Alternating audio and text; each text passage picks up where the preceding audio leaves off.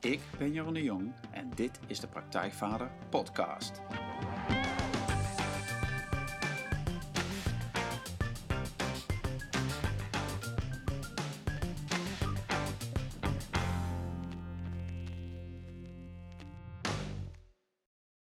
Welkom bij een nieuwe aflevering van de Praktijkvader Podcast. Jeroen hier en goed dat je weer luistert.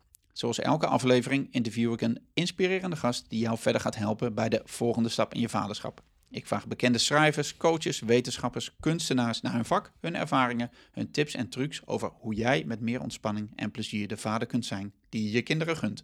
En jezelf natuurlijk. Vandaag is verhalenverteller Erik Borjas de gast in de podcast. Welkom. Erik. Goedemiddag. Ja. Um, Erik Borjas en zijn website is www.verhalenverteller.nl is een van Nederlands bekendste en meest gevraagde verhalenvertellers. Als kleine jongen begon Erik ooit met vertellen en daar werden zijn broers of zussen wel eens gek van, maar stoppen kon hij ook niet. En nu maakt hij al meer dan 20 jaar lang prachtige professionele voorstellingen waarin hij vaak klassieke verhalen op zijn geheel eigen wijze opnieuw vertelt. In 2016 werd hij onderscheiden als verteller van het jaar en tijdens de meer dan 200 optredens per jaar laat Erik zijn publiek vaak kennis maken met klassieke boeken als De Koning van Katoren, De Brief van de Koning, De Reis om de Wereld in 80 Dagen en nog veel meer.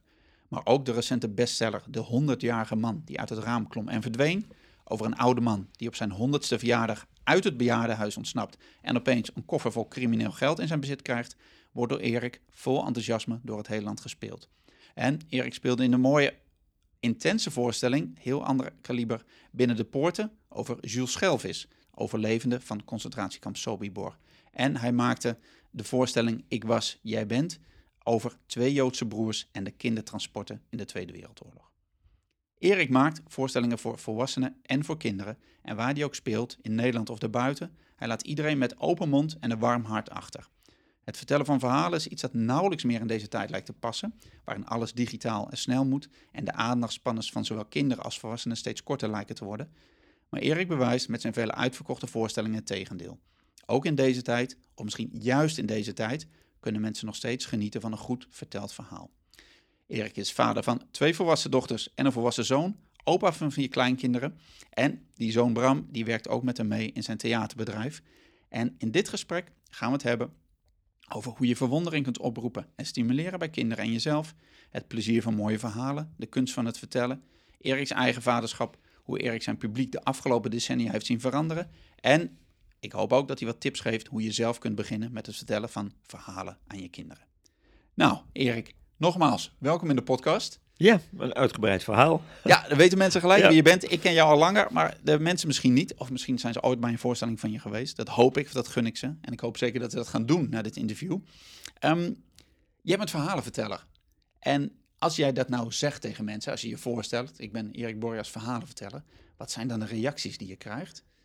Dan is het vaak van Oh, kun je daarvan leven? Dat vind ik altijd een hele interessante. En dan zeg ik meestal van, nou, ziet u dat ik juist tien jaar geleden overleden ben of zo? Dat vind ik altijd vreemd. Ehm, dat is toch voor kinderen, is ook, een, is ook een klassieker, wat natuurlijk ook onzin is. En als je dan zegt van mensen, maar u twittert, u facebookt, u doet, mensen doen niet anders dan elkaar verhalen vertellen. Alleen uh, niet op de manier zoals wij dat doen. Dus mensen kijken er raar van op, maar vinden het ook fantastisch dat je zo'n vak hebt. Ze zijn ook wel meteen heel nieuwsgierig. Ja, en hoe zie jij het? Hoe zie jij jezelf, als, als jij jezelf zou omschrijven? Um, ja, wat zou je dan voor woorden gebruiken? Ik noem mezelf een beeldhouwer in de fantasie. En, want dat zijn verhalenvertellers. We, hebben, we barsten allemaal van de fantasie. Eh, als kind helemaal. Dat is de klassieke opmerking. In de eerste vier jaar van je leven leer je lopen en praten. Daarna ga je naar school, moet je stilzitten en je kop houden. Eh, dat gechargeerd gezegd. Nou, wat er gebeurt in die tijd is dat het fatsoen en vind dit nou niet, vind dat nou niet en wees stil en nou, zo, dat doe je niet. Dat soort beperkingen, die halen de fantasie weg. En dat wordt dan een kalklaag, die gaat over die fantasie heen. En dan komt die verhalenverteller en die begint te, te bikken. En dan zie je, eh, kinderen gaan heel snel om, want dan is dat laagje nog heel dun. Bij volwassenen duurt het soms wat langer. En dan ineens komt er één klein vonkje, pats. En dan hebben ze weer een associatie met iets wat ze zelf vroeger hadden. En oh, oké, dan springt er een splintertje kalk vanaf. En zo wordt het steeds meer. En dan zie je ook je publiek in de loop van, uh, van een voorstelling helemaal ja, ik noem het maar open gaan zo. De ogen gaan open, ze duiken het verhaal in. Kijken nog net niet zoals kinderen doen eh, als je zegt van en vanuit de verte. En kinderen kijken dan meteen om. Nou, soms zie je volwassenen ook wel bijna dat doen, weet je. Dus, nou, dat, dat is wat verhalenvertellers doen. Dat, eh, ik, ik noem mezelf een beeldhouwer. Mooi. Hey, en in jouw repertoire, ehm, of de voorstellingen die jij hebt eh, gespeeld de afgelopen nou ja, 20 jaar, meer dan 25 jaar, 27 jaar, staan veel uh, klassieken. Ik noemde ze net al even in de, in de introductie: Koning van Katoren, Brief van de Koning, boeken die we waarschijnlijk bijna allemaal wel kennen. Ehm, geliefde kinderboeken. Ehm, wat fascineert jou aan de verhalen die je uitkiest? Hoe, hoe kies je iets uit? Ja. Waar begint dat? Nou, dat zijn een, paar trajecten. Om te beginnen zijn het allemaal boeken die ik vroeger ook verslonden heb. Daar begint het mee. Ehm, maar wat ik ontdekte, toen ik zo hè, drie, vier van die kinderboeken gedaan had, van wat mij daarin fascineert, ook naar, naar de kinderen uh, als publiek toe, hè, want dat gaat even specifiek om de kindervoorstellingen, is dat die verhalen laten zien dat een kind veel meer kan dan dat hij zelf uh, denkt hij gaat het, hè, die kind, de hoofdfiguur gaat steeds het avontuur aan. Uh, Hajo in de Scheepjongens van Bontekoe is een wat verlegen jongen. Uh, heeft wel zoiets van, ja, ik wil, ik wil graag mee met de VOC. Maar vindt het ook doodeng. Maar hij gaat wel, hij gaat mee en hij ontdekt gaande dat avontuur... dat hij van een wat verlegen, naar iedereen luisterend joch... gewoon een jonge volwassen vent wordt. Met zijn eigen beslissingen uh, Theorie, Brief voor de Koning, geldt precies hetzelfde voor. Die wordt dus geconfronteerd met dingen waardoor hij op avontuur moet gaan. En ontdekt van, hé, hey, ik kan eigenlijk veel meer dan dat ik dacht dat ik kon. En dat vind ik het mooie van, van verhalen. En dat gebruik ik ook heel veel in verhalen van volwassenen. Dat je ontdekt door het avontuur aan te gaan, dat je veel meer kunt dan dat je zelf gedacht had. Weet je, dus, dus dat is vooral kinderen laten zien, je kunt veel meer dan dat je zelf denkt vaak, of dat andere mensen zeggen van je. Want dat gebeurt ook vaak bij kinderen. Dat bij voorstellingen uh, de juf of de meester uh, komt met... Uh, nee, deze kinderen moeten naast mij zitten, want die zijn hartstikke druk. Um, dat hoeft echt niet, juf. Jawel, naast mij.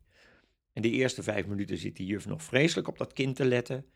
En het kind zoekt nog even een, een houding. Want die is inderdaad gewend om druk te doen. Want dat zeggen ze toch, dat hij altijd druk is. Dan moet dat toch zijn. Um, en dan duikt het kind het verhaal in. En de juf duikt het verhaal in. Die vergeet dat kind.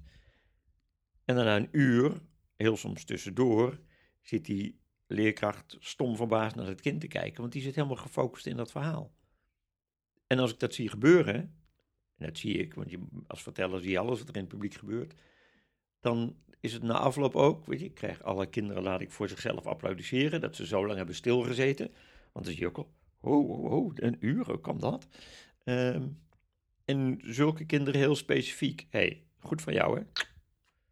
Even laten zien, dat kind zie je dan groeien, van wauw, oh, in plaats van dat ik op mijn kop krijg, uh, krijg ik eens een compliment. En die juf ziet ook dat je zo'n kind, die dus kennelijk druk is, met de juiste methode misschien heel goed uh, kunt raken, kunt pakken. Dat, uh... Ja, wat is dan het verschil? Uh, Zo'n kind dat zit, zit heel de dag in de klas of zo en die krijgt dat label ik ben druk, zoals jij zegt. Ja. En wat is een verschil tussen de dagelijkse gang van zaken in de klas en het moment dat jij daar komt en een uur lang, zoals je zegt, een verhaal gaat vertellen? Ik denk dat je, kijk, de leerkracht moet zich richten op de groep, maar ook op het individu. Die houdt zich bezig met de ontwikkeling van ieder kind. Daar ben ik helemaal niet mee bezig. Ik ben met geen enkele ontwikkeling bezig. Ik zie gewoon die hele groep. En of het er nou 100 zijn of 200, maakt me niet uit. Ik zie die hele groep. Dus dat is wel een verschil. Ik heb helemaal niet het idee dat dat kind druk is. Dat weet ik helemaal niet. Ik heb het kind nog nooit meegemaakt. Ik zie dat nu. Dat komt enthousiast binnen. Uh, en misschien is het hyper. Dat kan. En soms komen er ook kinderen binnen die kruipen bij de juf op schoot, want die zijn super verlegen. En dan gebeurt het in feite hetzelfde. Dat keert ook om in de loop van het verhaal. En wordt ineens een kind wat heel enthousiast meedoet. En dan zie ik ook, oh, nou, dat heb ik hem nog nooit zien doen in de klas. Dus dat gaat twee kanten op. Dus dat is het grote verschil. Ik hoef niks van dat kind. En een, iemand die voor de klas staat, ja, die wordt ook aan het eind van het schooljaar weer afgerekend op dat kind. Want dan moeten rapportjes en cijfertjes, nou we hadden het in het voorgesprek daar al even over. Hè, meten is weten. Hey, en wat zou zo'n zo'n juf of meester dan, ehm, hè, los van het feit dat het schoolsysteem is zoals het is, en wat je zegt, ze moeten ook hè, gewoon meten, resultaten behalen. Maar zou, wat zouden ze dan volgens jou gewoon wat meer kunnen doen, zodat die kinderen zich gewoon wat meer ja, gezien voelen of dat ze niet de hele tijd zo'n label opkrijgen, ik ben verlegen of ik ben druk? Nou ja, ik hou erg van, noem het maar, bewegend leren, zoals dat heet. Het is heel onnatuurlijk om, ehm, om een kind in de schoolbank te zetten. Dat, ja, we hebben eh scharreleieren, we hebben vrije uitloopkippen, eh, de koeien mogen de wei in allemaal, maar onze kinderen moeten binnen zitten. Dat klopt niet. Dat klopt niet. Mijn ehm, oudste kleindochter en mijn jongste kleinzoon, die zitten hier in Culemborg op, eh, op de werfklas. Het is een nieuwe schoolvorm. Het is een heel, heel klein schooltje. Ja, en dat is, eh, daar zitten ze ook wel. Maar dat, dat is met recht bewegend leren. Die gaan naar de stadsboerderij, eh, hebben daar hun eigen tuin. die, die bouwen zelf van alles en nog wat. Weet je, die zijn, die zijn veel, veel meer in beweging om de dingen te leren. Wat je in de vrije school. En ik ben echt niet helemaal een vrije school aanhanger, maar er zitten wel een heleboel goede dingen in. ehm, waar je vanuit de eurythmie, het bewegen van armen en benen, vanuit hele grote bewegingen, gaan, die worden kleiner gemaakt en kleiner en kleiner. En op het laatst eindigen ze op hele grote vellen papier, in grote tekeningen. En dat worden kleinere vellen papier en dat wordt kleiner. En zo'n kind kan schrijven. In plaats van dat we beginnen met dat ingewikkelde, lastige schrijven van een kind wat gewend is om met grote klodders, weet ik wat allemaal te doen. Dus veel meer in de beweging, in de dynamiek.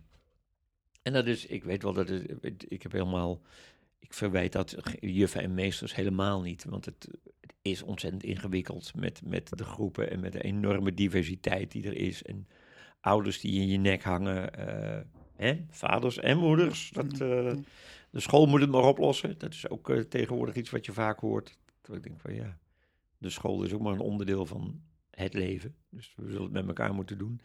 Dus ik snap dat allemaal wel, maar gooi er wat meer beweging in. Vertel, eh, vertel, je kunt voorlezen in de klas, hartstikke belangrijk. Maar je kunt ook gaan vertellen. Je hebt ook vertellers die echt in de klas workshops geven met de kinderen. En er komen fantastische dingen uit. Nou, zo- zoek dat soort dingen. Mooi, oh, daar komen we straks nog op terug. Dat vind ik wel mooi om, eh, van hoe je dat dan aanpakt. Maar je zei net iets, en dat vond ik toen je het nog had over eh, de verhalen die je uitkiest, over dat hè, de personages die leren daar iets in en die stijgen, ontstijgen zichzelf, die worden groter en die Ja. leren iets. Ehm, en dat is juist, ja, dat is, is mooi in die verhalen. Ehm, maar dat is dus iets wat ouders of wat dan ook van, wat we zelf onze kinderen wat minder vertellen of zo. Dus waarom die verhalen zo aanspreken. Ja, ja. En Dat, Waarom nou doen ja, we dat niet, Erik? Ehm, misschien omdat we het niet zien. Dat, dat je daar dus. eh, Wat is de functie van de verhalenverteller? Nu nog. Hè? En waarom, zijn er, waarom is verhalen vertellen steeds populairder? Ehm, het zijn de spiegels. En we, we kijken. eh, Ik denk dat mensen te weinig in de spiegel kijken met kinderogen. Eh, dat mensen in de spiegel kijken en dan vaak niet zichzelf zien, maar de omgeving. En dat is nou ja, het klassieke oude liedje. Denk niet elke keer. ehm, iedere dag van bestaan, hoe heeft er mijn pa en mijn buurman gedaan? Hè? Mens durft te leven. Dat, nou, je kent dat lied. Oh, 1925, wat is het? Oud. Zoiets, Ja, zo ja. oud is dat Ja. al. En, en eh Ramses Shaffi zong dat ook. En toen ik mijn, eh, mijn baan opzegde, tig jaar geleden, toen deelde ik dat lied ook uit. Op papier aan mijn collega's. Van mens durft te leven. Mens durft te leven. Want ik kreeg natuurlijk ook, ik had een prima baan, een prima salaris. En ik kreeg ook van alles en nog wat over me. Maar jongen, de ene helft snapte het volkomen, want die riep al jaren, wat doe je hier? Maar ook mensen die, jongen, denk je pensioen, denk je dit, denk je dat, en hoe moet het met de kinderen, en bla bla bla bla bla. Ja, mens durft te leven. En, en dat is het, weet je. eh, kijk, kijk meer naar binnen. Van wat- zou ik nou zelf willen? En, en niet hoe, vind- wat vinden mijn buren ervan of wat vindt de maatschappij. Weet je, want daar liggen de beperkingen. Hey, en eh, wat, wat jouzelf betreft, wat, wat is nou het, het, als je kijkt naar die switch hè, die je hebt gemaakt, eh, wat is nou hetgeen wat het, het meeste wat het je heeft opgeleverd? Dat je van een baan naar fulltime verteller bent gegaan? plezier. Vooral heel veel plezier. Los van het feit dat, het, dat je ook gewoon ondernemer bent. En dat je echt ook wel eens op de rand van je bed zit en denkt van... Hoe krijg ik in vredesnaam deze maand de huur verdiend? Eh, ook allemaal waar, allemaal waar. Eh, de, de druk van het maken van nieuwe voorstellingen. Terwijl die dingen pas twee jaar, over twee jaar gaan spelen. Weet je, hè? Dat, is allemaal, dat, dat is ook allemaal waar. Dat is de andere kant. Je bent ook gewoon ondernemer, maar dat is ook spannend. Ehm, maar vooral plezier. Hè, dat ik kan doen wat ik in feite altijd wilde doen. Dat is ook prettig. Ik schreef toen ik acht was in een schriftje: Ik wil toneelspeler worden. Dat is heel prettig, want heel veel kinderen en ook heel veel volwassenen weten niet eens wat ze willen. Dus het is prettig als je dat altijd weet. Ehm, dus dat heeft het me wel gegeven. En ik, ja, ik ben op plek op de wereld geweest waar ik anders waarschijnlijk nooit gekomen was. Dan was ik nog steeds die forens die iedere dag heen en weer ging naar zijn werk en in vergaderingen zat en dacht van, oh, oké, nou dan word je misschien wel zo'n type van, hoe lang moet jij nog? Nou, dat moet niemand willen zijn. Ik ben benieuwd van ehm, hè, over die, die boeken die je uitkiest, zeg maar, zo'n verhaal wat je aanspreekt. Dat is vaak een boek, ook de, de 100-jarige man is een vrij dik boek, zeg maar. Jouw voorstellingen duren een uur, twee uur, zeg maar. Hoe, hoe haal jij dat, die essentie eruit om hem, want jij hebt veel minder tijd hè, tot je beschikking, zeg Ja. maar. Ja, hoe doe je dat? Hoe pak je die essentie eruit en maak je daar jouw verhaal weer van? Ja ik, ja, ik maak er mijn verhaal van, maar altijd in de sfeer van de schrijver of schrijfster. Dat, dat vind ik heel belangrijk. Dat je, eh, en het maakt niet uit welk boek dat ook is, maar als je materiaal van iemand anders hebt, dat je bij het maken van je eigen bewerking dicht qua taal of qua sfeer bij, eh, bij de schrijver zelf blijft. En dan is het gewoon ouderwets middelbare schoolwerk. Alle hoofdstukken lezen. ehm, en dan denk je van, wat heb ik nou onthouden? Oké, nou, dan, en dan maak ik per hoofdstuk misschien één A4'tje. Max.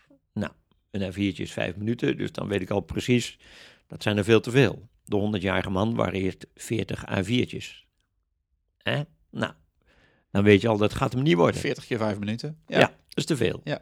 Eh, dat is al heel wat op, dat je van een boek van 350 bladzijden dat terughaalt. Maar, dus je schrijft de essentie op van wat, wat gebeurt er hier nou eigenlijk? Welke personages? Ehm, en dan ga ik weer verder filteren. Welke personages zou ik weg kunnen laten? Kan ik iets bundelen? Eh, bijvoorbeeld Brief voor de Koning. Komen heel ingewikkeld. Er komt een schrijver in voor. Er komt in de bergen nog iemand die hem probeert eh, om te brengen, want die is gekoppeld aan de Rode Ruiters. Eh, nou, Rode Ruiters, dat is een heldere vijand. En er is een spion, Sluurpoor, die een paar keer terugkomt in het boek. Nou, ik leg dus alle vijandige handelingen bij Sluurpoor neer. Eén personage. Dat blijft, die sfeer blijft nog gewoon... eh, dus zo werk je dat, dik je dat allemaal in. En probeer je, ik noem het Tonke Dracht, vond mijn script fantastisch, maar het woord verdraaid moest eruit, want dat zei een schildknaap niet. En alsof ze erbij was, maar goed, dat maakt niet uit, maar zoiets, oké, nou, dan gaat dat eruit. Want je vraagt ook eh, toestemming. Ja. Dat is nodig waarschijnlijk. Ja. Is Ja. Jan Terlouw, brief van, de, eh, Ja. van eh, Koning van Kantoor, Ja, Tonke En hier, ja. hier ook, dit duurde heel lang, omdat, niet omdat ze niet wilden, wilden, maar die agentschap verschoof van de, steeds van de een naar de ander enzovoort. Dus ik was bijna anderhalf jaar bezig voordat ik de goede te pakken had. En die stuurde een mailtje van bel me even, want ik snap het niet. Want die had net met Engeland een contract afgesloten. Daar gingen ze het met 20 toneelspelers doen. En in Duitsland gingen ze het met 14 toneelspelers doen. En dan vraagt er een idioot uit Holland om een solovoorstelling. Eh leg eens even uit. Dan moet je door de telefoon uitleggen hoe vertellen werkt. Dat was best grappig. Dus, eh, maar uiteindelijk was ze heel enthousiast. Maar in de 100-jarige bijvoorbeeld, dat, hè, wat heel veel humor is, daar eh, Carlson drinkt jenever of eh, brandewijn. Eh, nou, brandewijn, dat doen wij hier in Nederland niet zo aan. Oude mensen, jenever. Dus daar heb ik het constant over jenever in plaats van brandewijn. Bejaardenhuizen, eh nou, waar denk je aan een bejaardenhuis? Als het om drank gaat die je mag hebben. Advocaatje ja, met als- slagroom, ja. dit is feest. Advocaatje Nou, inderdaad. Komt in dat boek helemaal niet voor. Nee. Dus in het begin heb ik het dus over, nou, eh, gezellig, ja, advocaatje kun je krijgen, met slagroom. Weet je wat dit is, een advocaatje? Dat is een dronken, zachtgekookt kuiken met een lepel in zijn kop. Nou, dat staat niet in het boek. Zoiets, dat verzin ik dan zelf. Ja, ja. Maar, maar dat is wel de sfeer zoals die in het boek zit. Ja. Dan heb je dus zo, Ja. zo koppel je dat. eh, Ja. Dus nou ja, daar, dat is, en dat is een heel leuk proces. Tenminste, dat gaat mij goed af. En als het me niet goed afgaat met een boek, dan moet ik het niet doen. Eh, ik heb het met Pinocchio gedaan. En ik vond het verhaal helemaal niks. En wat ik gemaakt had, was geknutseld. Het werd dus ook helemaal niks. Oké, ja. Ja. En, en weet je dan waar dat aan ligt? Nou, wat bleek, eh, als je je wat specifiek Pinocchio dan, ik had het gekoppeld. Wat ik wilde is, eh, Pinocchio is niks anders dan een jongen die er graag bij wil horen. Ja. En zo'n mooi vader-zoon verhaal. Hè? Dus Ja, maar hij is van alles. ander- maar hij is anders. Ja, hij is anders. Ja. En tegenwoordig, als je, de, als je geen mobiele telefoon hebt, dan hoor je er niet bij. Hè, kind moet een mobiele telefoon hebben. Hè? Snapchatten, als je tien bent, dan moet dat wel kunnen. Hè? De, de kinderen van mijn broer, dat, die zijn alle twee student, geen Facebook, die hebben geen WhatsApp, die moeten al die al dat gezeik moeten ze allemaal niet hebben. Die hebben een oude mobiele telefoon om te kunnen bellen als er, als er wat is. Verder, dat interesseert ze niet. Nou, die worden heel wazig aangekeken door medestudenten. Dus, dus Pinocchio wil erbij horen. Dus ik had het een beetje gekoppeld aan, eh, aan de moderne tijd. Met mobiele telefoons en eh, ja, zijn neus is een selfie stick. Dat is, dat is, dus, nou ja, zo, zo ging dat. En, eh, en als, dan, zei, nou, dan, dan zijn er wel eh, kat en, eh, en, en, en hond, kat en, ik weet niet eens meer wat dat, kat en vos in, Oh ja, in kat en Pinocchio, vos, ja. kat en vos, Ja. die, die, die, Ja. die willen hem dan wel helpen. Nou, Ja, de dit- stoere jongens. de stoere jongens, die willen hem wel aan een, aan een behoorlijke telefoon helpen, maar dan moet hij wel even op de uitkijk gaan staan. Hè? Dus die breken in en hij moet op de uitkijk en uiteraard wordt hij gepakt. Weet je? Nou, ja, zo. Ehm, maar het was te rommelig. Het was te rommelig, het was te veel door elkaar heen.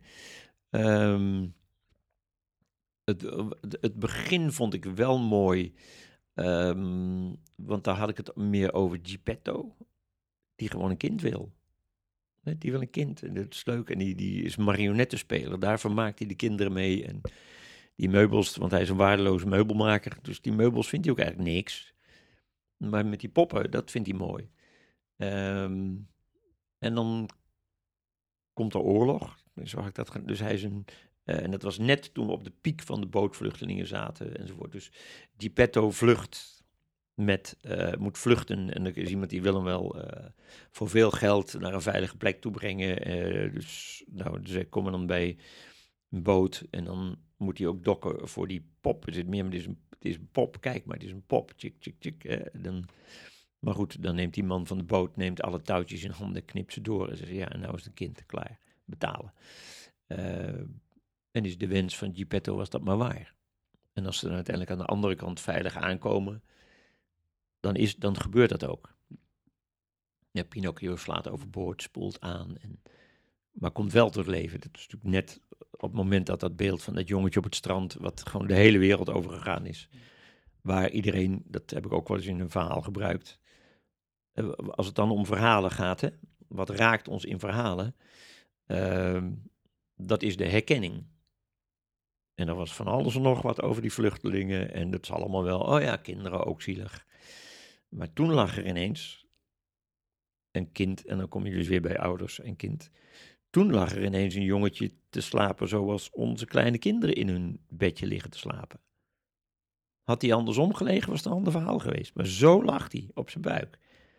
En ineens, woem, herkende iedereen zijn eigen kind. En was de wereld te klein, hier moeten we wat aan doen. Dus, nou ja, dat soort dingen gebeuren soms. Ja. Maar goed, Pinocchio, om daar naar terug te komen. Pinocchio is geschreven als losse krantenfeuilleton. Dat waren allemaal losse verhaaltjes. Dat is nooit als één boek geschreven. Dus je ziet ook dat die verhaaltjes, die hoofdstukken, hebben nergens een koppeling met elkaar. Het slaat helemaal nergens op. Dus, dus Disney heeft daar nog heel knap iets van gemaakt, maar eigenlijk is het een waardeloos verhaal. Ja.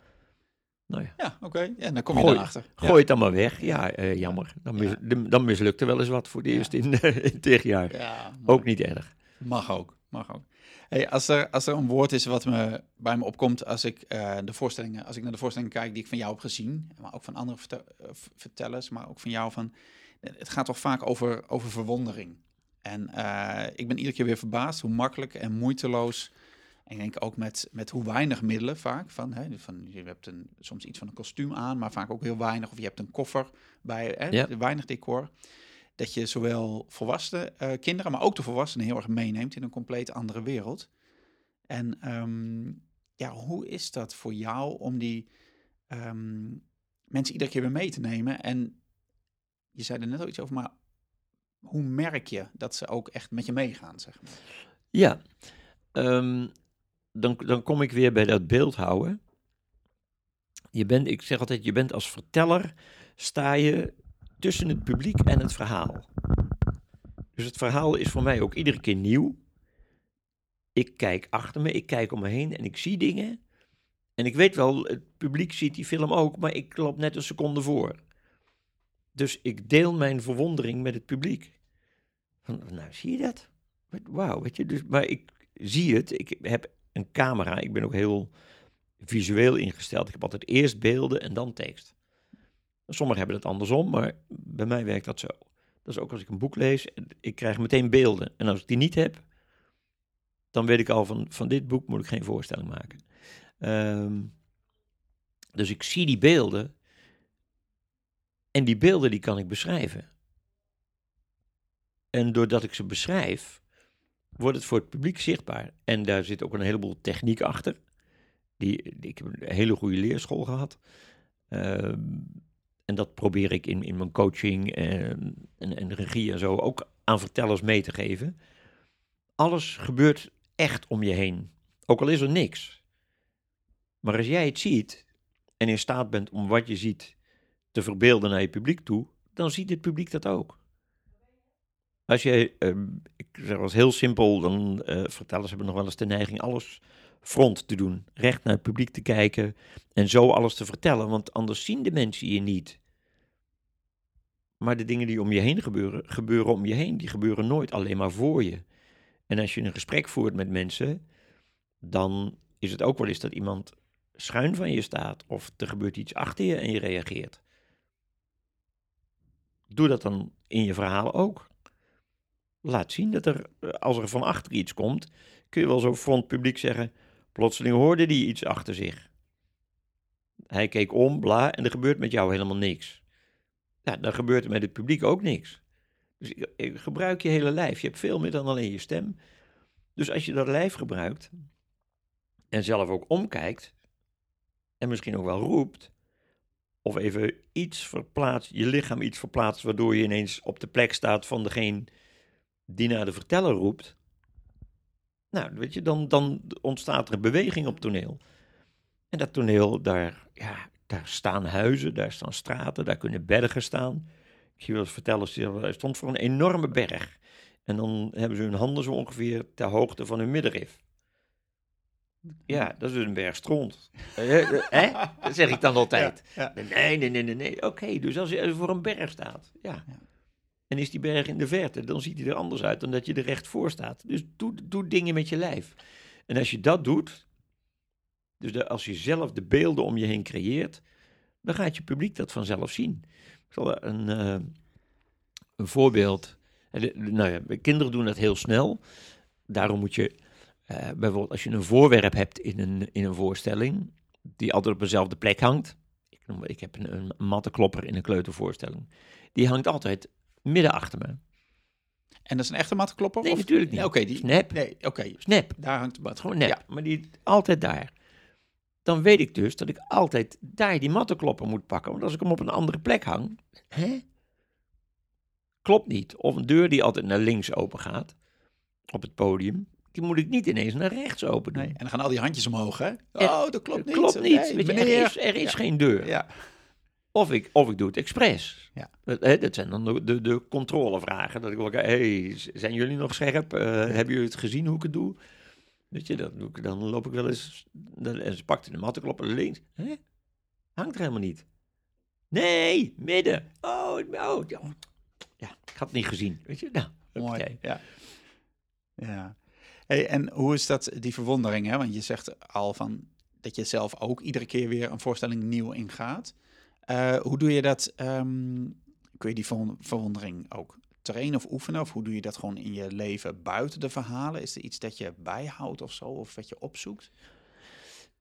Ehm, nee, nee, de verwondering komt vanzelf als je weet, of als dat zo in je systeem zit, dat iedere voorstelling voor je publiek de première is. Eh, Als je dat bewust bent, dan, eh, natuurlijk, dat is echt niet alle dagen zo, maar eh, dat is wel het uitgangspunt. En zie je publiek, en ook al sta je in theater waar het donker is, ik zie altijd wel mijn publiek of ik voel het wel. En daardoor is het, is het nieuw ook voor mij. Kijk naar dingen met, eh, met, met die verwondering voor je, voor je publiek. Ook al eh, als je twee weken schoolvoorstellingen speelt, drie op een dag. Dan moet je echt op een gegeven moment wel nadenken van, heb ik dat nou al gezegd of nog niet? Of was dat nou de vorige voorstelling? Soms, hè, soms denk je, oeh, heb ik die scène nou wel of niet gehad? Gebeurt wel eens, want dat is dan de, de techniek die er ook nog weer boven zit. Hè? De, de, dat noem ik dan maar even de, de technische verhalenverteller die boven de personage staat. Eh, De marionettenspeler zou je kunnen zeggen. Die moet wel in de gaten houden dat de touwtjes niet in de knoop komen. Dus dat is, er ook. En die verwondering. Ja, ik verwonder me elke dag over eh, de agressie van de mens aan de ene kant. En aan de andere kant ook weer over de prachtige dingen. Weet je, er kunnen er ook 150.000 feesten te vieren op de Koolsingel. Dat kan me echt ontroeren. Kan ik fantastisch vinden. Ik kan janken bij een tekenfilm. Vind ik geweldig. Gewoon omdat ik dan helemaal in het verhaal duik. En wat ik bijvoorbeeld vroeger al deed, toen ik nog elke dag met de trein hetzelfde traject heen en weer reisde. ehm, dat ik probeerde om iedere dag op een andere manier naar buiten te kijken. Het kon zijn dat ik een dag vooral naar de berm keek, zo, wow, wat gebeurt er onder me? En een andere dag juist heel erg in de verte, of, zat, of ik zat op naar vogels te kijken. Zo, er gebeurt altijd wel iets. Hier in mijn omgeving, zo'n bedrijventerrein, is kale vierkante blokken. Maar er zitten allerlei vogels, daar zie ik allerlei rare vogeltjes op de dakrand zitten. Of, eh, of de wolken zijn wel. Dus je kunt iedere dag wel iets vinden waar je je over kunt verwonderen. Maar ja, dat vraagt dan ook dat je daar, eh, dat je daar nieuwsgierig naar bent. Dat je, wat jij zegt van hè, de ene dag kijk ik zo uit de trein, de andere dag zo. Je kunt ook elke dag, of dan moet ik gelijk denken, als je nu in de trein zit, hè, mensen zitten, vroeger zaten ze in een boek en nu zitten ze op de telefoon, zeg maar. Ja. Dus die blik naar buiten, die lijkt dan, ehm, die lijkt er dan niet te zijn, of nauwelijks aanwezig Nee, te zijn. nee, die is er dan niet. Ja. En ehm dan moet ik mezelf, daar betrap ik mezelf ook wel eens op hoor. Dat ik met mijn telefoon bezig ben. Eh, dat is voor mij ook mijn mobiele kantoor. Eh, dus ik probeer dan altijd allerlei mailtjes eh, die ik in de trein kan doen. Dan hoef ik ze thuis niet te doen. Maar soms zit ik, dat ik ook wel denk van, waarom zit ik nou te Facebook? Het is prachtig weer buiten. Kijk naar buiten, man. Nou, dan stop ik hem gauw weg. Dus dat, eh, dat doe ik ook wel. En als er iets onverwachts gebeurt, dan eh, komt ineens wel, weet je, dan gaat iedereen wel weer van zijn schermpje eh, af. Of dat nou, dat zie je als er een hele lange vertraging is in de trein, dan ontstaan er ineens gesprekken. En dan is het zo buiten het normale eigenlijk. Ja, Ja. ja. of als er ineens een, een baby eh, of een klein kind eh, dingen gaat doen, dan zie je ineens mensen, oh wauw. Ja. Dus Ja. de verwondering is er wel, maar nou, dan kom je weer bij die kalklaag, die stoppen we weer weg. Of dan, Ja. Ja, mooi. Hey, nou heb ik zelf ook een aantal vertelcursussen gevolgd bij de Vertelacademie. En dat was omdat een van de wensen die ik zelf had van, oh, het lijkt me zo heerlijk aan dat ik gewoon een verhaal kan vertellen. Niet alleen maar voorlezen. En En eh, nou, dat is, vind ik ontzettend leuk om te doen. En soms vertel ik aan mijn kinderen. Ehm, en ehm, dat is niet eenvoudig, eh, vond ik, zeg maar, om dat, eh, om dat te leren, om dat te gaan doen. Ehm, maar als ik het doe, dan kan ik ervan genieten. En dat, is, dat vind ik heel leuk. Maar jij krijgt ook vast vaak opmerkingen van mensen van... oh, Erik, ik zou ook wel kunnen vertellen. Of dat zou ik ook wel willen ik zou leren. willen. Ja, Ja, ik zou ja. willen, hè, willen. Ja. En wat, wat raad jij die mensen dan aan als ze dat zeggen? Wat, wat zeg je dan tegen ze? Doen. Zo simpel is het. Ja. Doen. En wat ik vooral zeg, en het, eh, of dat nou eh, ouders zijn of pabo-studenten of wat dan ook, weg met het boek. Als kinderen heel klein zijn, echt de peuters zo, dan is alles waar. En daarom maak ik ook voorstellingen vanaf vier jaar, want dan komt de fantasie op gang. Daarvoor is, is er geen verschil tussen werkelijkheid en fantasie. Alles is echt. Als je bij een heel klein kindje handen voor je ogen doet, dan be- ben je er niet meer voor dat kind. Die zegt, help, waar ben je? Je gaat de kamer uit en het kind begint te huilen. Want dan ben je er ineens niet meer. En pas later heeft het kind wel door dat je in de gang bent of in de keuken of wat dan ook. Dus dat, dus dat zeg ik altijd, als ik ga eh, voorstellingen gaan maken, dat is vanaf vier jaar zo. Omdat die fantasie dan op gang komt. Dus als het om voorlezen gaat, tot hun vierde jaar, alles later zoals het is. Eh, en dat is al met plaatjes kijken. Als je een prentenboek hebt, zul je zelf dingetjes moeten verzinnen. En dan eh, kent iedereen wel de bekende, eh pla- dat zijn vaak plaatjes van beesten en dingen van, oh kijk hier, eh, hier heb ik een, eh, oh dit is een, eh, een schaap. Oh ja, ja, ja, nee, dat zie ik. Dat, ja, oh, schaap, schaap toch? Ja, schaap, oké. Ja, dat schaap doet, eh woef, woef. Nee, nou, hier, schaap doet, oh, stom, nee, natuurlijk, schaap doet, nee, nou ja, dat, je kent het wel. Dus weet je, zo Ja, laat je aan het, Ja, aan het kind zien Ja. van, ja, ja, jij snapt dat wel, maar ik ben gewoon nog heel dom. Dus vertel jij het maar. Nou, dat, dat werkt zo leuk. Ehm, en dan komt het moment dat je los, hè, zijn dus de geluidjes, dat is puur nog de herkenning, werkelijkheid, werkelijkheid. En dan kun je met zo'n, met zo'n prentenboek zelf verhalen gaan verzinnen. Oh ja, het is, eh, oké, het schaap. Oké, eh, eh, het schaap liep op een dag door de wei en daar kwam hij... En dan staan op het volgende plaatje bijvoorbeeld een varken, een hond en een koe. Eh, koe tegen, oké, koe tegen, oké, koe komt tegen. En eh, nou, zei koe. En dan laat je het kind wat aanvullen. Dus zo ga je met elkaar eh, verhalen fantaseren. Dat, dat hebben ze in hun spel ook. Gaan kinderen van alles nog wat verzinnen. Ja, en eh, absoluut, oh, ja. dit en zus en zo. En eh, mijn jongste kleinkind afgelopen zaterdag waren we in, eh, die is zeven, waren we in Utrecht. En daar ben ik geboren en getogen. Dus ik, we waren op Domplein. Nou, kon ik van alles nog wat van vertellen. Dus die op moment, opa, dan gaan wij samen een keer door Utrecht.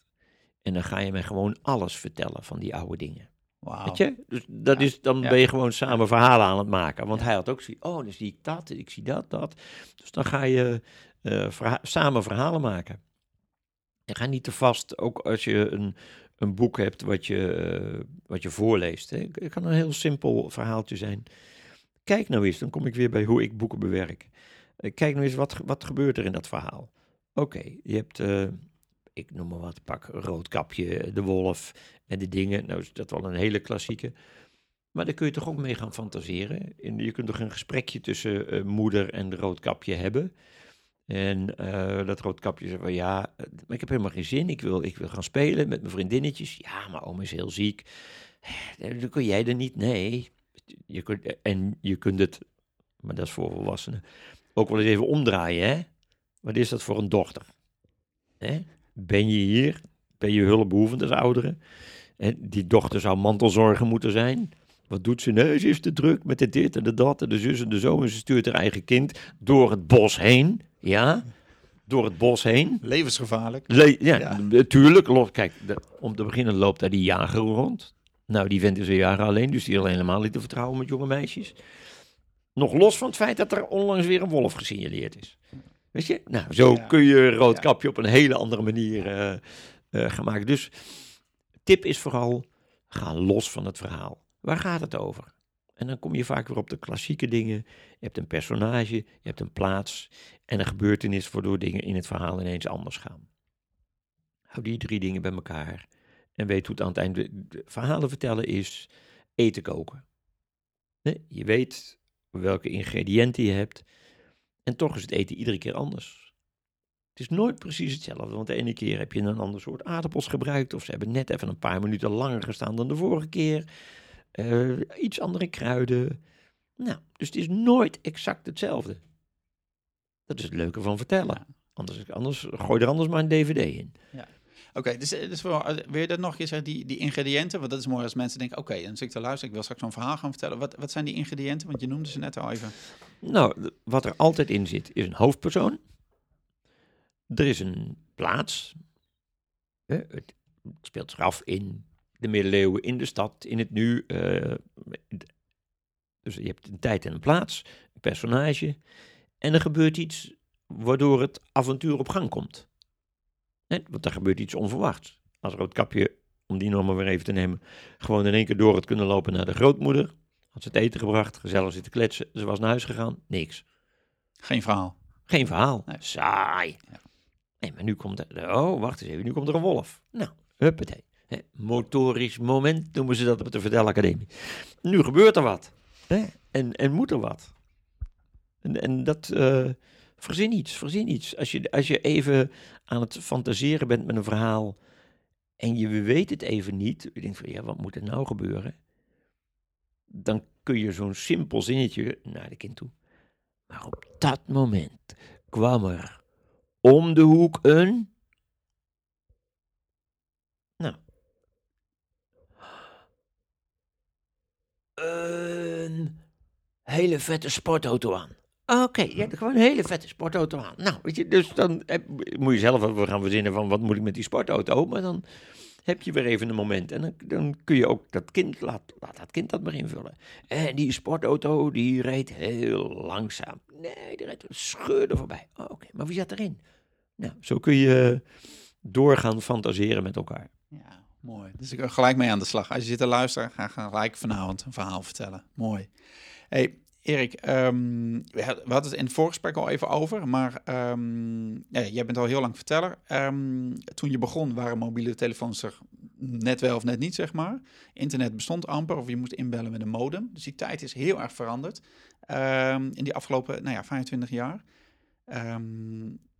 Wat merk jij daarvan eh, zelf, zeg maar, aan, aan je publiek? Merk je daar überhaupt iets van? Ja, ja, ja. Kijk, de, er zijn, zoals dat heet, altijd voor- en nadelen. Ik, ik, weet, ik kreeg inderdaad op een gegeven moment een mobiele telefoon cadeau toen die dingen net nieuw waren. Want dan, ik was zoveel op pad, dan kon ik eens bellen. Nou, ik, alsof ik een, of alsof te zien was dat ik een prostituee bezocht had. Zo ongeveer toen ik voor het eerst die mobiele... Getverdemme, iedereen ziet dat ik dat ding in mijn handen heb. En nu is het gewoon mijn decor. Ehm, en eh, nu zie je bijvoorbeeld, als ik bij middelbare scholieren optreed, help, ze moeten hun mobiele telefoon even wegdoen. Dat krijg je bijna niet voor elkaar. Dus ze willen hem dan nog wel op stil zetten of wegdoen, totdat je zo van die schermpjes op ziet lichten zo in het verhaal. Nou, daar moet je dan even wat mee. Eh, Wat doe je dan? nou, er, er is. eh, ik, ik begin ermee gewoon om dat te vragen. Hè? Van doe hem even weg, zet hem op stil, want het is niet nodig. Want dat moet je ook leren, hè? Help. Dat, dat merk je bij volwassenen al. Hoe snel mensen tegenwoordig al naar hun mobiele telefoon grijpen. Als het even rustig, gezellige avond uit eten, gaan ze met elkaar naar, de, naar het scherm zitten staren. Moet je niet doen. Ehm, maar er is een, een, een dwangmiddel heel simpel. eh, De, eh, een Engelse vertelster die zei ooit eens voor zo'n hele volle zaal: eh, I come from Britain, and when I see you using your mobile phone, I will take it with me, and you can pick it up at my place, and I can see it because nobody is looking at his crotch and smiling. Nou, dus dan weet je al van, oké jongens, ik zie er vanzelf, al- er komt, wat ik dan zeg van, ik zie heus wel als er licht van je kruis afkomt. En dat schrikt. Som, sommige scholen hebben ook gewoon heel simpel de regel. Aan het begin van de deur twee bakken, keycords, mobiele telefoons. En als hij in de bak afgaat, ben je mijn week kwijt. Dat helpt ook hoor. Dus het is maar net Ja. hoe voed je ze op. Ehm, maar dat, dat, merk je. Ehm, je krijgt eerder vragen van, van eh, kinderen. als ik het over vroeger heb, moet ik nu echt zeggen: van er waren geen computers, geen vliegtuigen, eh, geen mobiele telefoons. Mooi voorbeeld. Ik speelde de rattenvanger van Hamelen, lang, lang geleden zeg ik. En toen kwam er een opmerking uit de theaterzaal van Ook geen iPad? Eén kind. Niemand reageerde. Ik vond hem fantastisch. Ik denk, die hou ik erin, hè. iPads kwamen toen net op. En een half jaar later was ik weer ergens eh, in het theater. En ik zei, er waren nog geen computers, geen mobiele telefoons. Zelfs geen iPads. Die hele zaal. Ja. Ja, zo werkt dat. In Amsterdam een keer op een festival een meisje van een jaar of twaalf. Ja, maar hoe kun je leven zonder internet? Ja, kan wel. Want, en ook die merken dat ze, eh, dat ze dus wel zonder kunnen. Hm. Even. En dan willen ze daarna nog wel eens heel snel meteen weer in de mobiele telefoon duiken. Dus je ziet het wel. eh, maar je ziet ook wel weer de verbazing dat ze dus wel zonder kunnen. En dat vind ik ook wel weer leuk om dat te laten zien. Ja, het is mooi dat het, dat het allebei er is, zeg maar. Ja. Je zei net, dat heeft voor- en nadelen. En ehm, ik ben wel benieuwd, ehm, als je, eh, los van, van die telefoons, ehm, zie je überhaupt eh, dat, dat kinderen anders zijn geworden nu dan twintig jaar geleden? Of dat ouders eh, nu anders reageren op hun kinderen of überhaupt, zeg maar. Wat zie Ja. jij ervan? Ja. Ehm, dan kom ik weer even op waar we het al over hadden in het voorgesprek, over de maakbaarheid van dingen. Er is een hele leuke loesjekaart. Fileprobleem bij scholen opgelost. Ouders doen schokkende ontdekking. Er zitten pootjes onder. Om maar wat te noemen. Hè? Er zitten pootjes onder. Ehm, er was een directeur van een school die geopend werd. En die had commentaar gekregen op de hoogte van de paaltjes op het school, schoolplein. Dat moest echt anders, want er konden kinderen overvallen. So what? Dus wat er, ehm, wat er anders is geworden, en dan komen we weer op, het, op, op de angst, die heel erg. ehm, tuurlijk probeer je als ouder je kind te beschermen. En dat moet ook. Maar je moet je kind ook laten wennen aan de, als ik het even heel puur dierlijk bekijk, aan de wildernis om je heen. Als je nooit met een kind gaat wandelen in de stad en hem leert dat hij goed uit moet kijken als hij oversteekt, dan moet je niet gek vinden dat als dat kind later over, over gaat steken, dat hij een keer wordt aangereden, want dat heeft hij niet geleerd. Dat geldt voor fietsen. Ja, fietsen, ja, dan val je. Ja. En dan is je broek kapot. Ja. Is je knie kapot. Ja. Oké, heel vervelend. Ik heb ook wel eens met mijn handen in het prikkeldraad gehangen. Was reuze stom van me. Leverde me een hoop hechtingen op. Ja, heel vervelend. Ben ik er een beroerde mens van geworden? Nee, ik weet dat ik uit de buurt van prikkeldraad moet blijven. Dus wat er veranderd is, is dat er ehm, in het begin heel onbevangen naar voorstellingen gegaan werd. Daar was ook vooral kijk, verwonder, doe. Ehm, en, en liep een voorstelling wat uit, om maar wat te noemen. Dat maakte niet uit. En nu hoor ik van scholen dat ze heel, hè, voorstelling moet ook ietsjes korter worden. Worden op andere, we beginnen, vroeger begon je al half tien, was een standaard tijd. Tegenwoordig begin je om kwart over negen. Want als je er dan twee op een ochtend hebt, dan ben je in ieder geval voor de bel van 12 uur klaar. Met het nagesprekje enzovoort. Zodat ze op tijd bij het hek staan. Want er is dus al commentaar bij scholen dat de ouders om 12 uur bij het hek staan en dan is het kind om 5 voor 12 nog niet buiten. Ik heb in de rattenvanger van Hamelen, daar vroeg ik me af, en wat dan het verschil is, hè, dat heeft ook een beetje met die 20 jaar te maken. Ehm, ja, daar komen ratten in Hamelen, maar waar komen ratten op af? Afval. Op afval. Ja. Wie maakt er afval? Mensen. Mensen maken het afval. Dus in die voorstelling hebben de eh, grote mensen geen tijd om rustig te eten. Het ontbijt moet haastig. eh, tussen de middag moet het allemaal snel. Die kinderen moeten opschieten, want ze moeten ook nog de kinderen school brengen. Ze moeten naar hun werk toe. En na school moeten ze wel op tijd bij de bel staan, want die ouders die moeten ook nog hier naartoe en nog daar naartoe. En die, die, nou, die kinderen eten dan nog net rustig op school, maar die volwassenen eten gewoon op straat. En die laten allemaal bevallen en doen. Zo wordt het een rotzooi. Dus de grote mensen die zijn daar alle dagen hartstikke druk. Afgekort? ADHD. Ja. Nou, Ja. En dan zie je dus leerkrachten wel eens zo van. Dat herkennen we. Dat is wat er veranderd is. Dat ook weer. En dat heeft ook met de, de maakbaarheid, het, het invullen. Je kind hoeft zich niet alle dagen 24 uur per dag eh, eh, te vermaken. Dat vermaakt zichzelf ook wel. Heerlijk. Laat een kind zich vijf minuten vervelen. En dan verzint het wat. Ik heb niks te doen. Ja, lekker hè? En ik zeg, nou, eh, wil je dan misschien televisie kijken? Wil je misschien dit? Zullen we dat? Nee joh, blijf jij je lekker vijf minuten vervelen. Misschien nog wel tien minuten, misschien nog wel een kwartier. Hoe ouder ze worden, hoe langer dat vervelen is. De, moet ik dat gaan doen? De, saai. Ja, maar ga, ga lekker buiten met, ah, met, met, je- met je vriendinnen zo. Ja, die echt niet. Net ruzie mee gehad. Huh? Nou, laat maar, laat maar. Lost, lost het vanzelf wel op. Hebben ze slaande ruzie? Ja, so what? Prima, een keertje slaande ruzie met elkaar. Voorbeeld. Ik was vroeger op de eh, vrije school. Zou nu ondenkbaar zijn, hè? Stoeivader.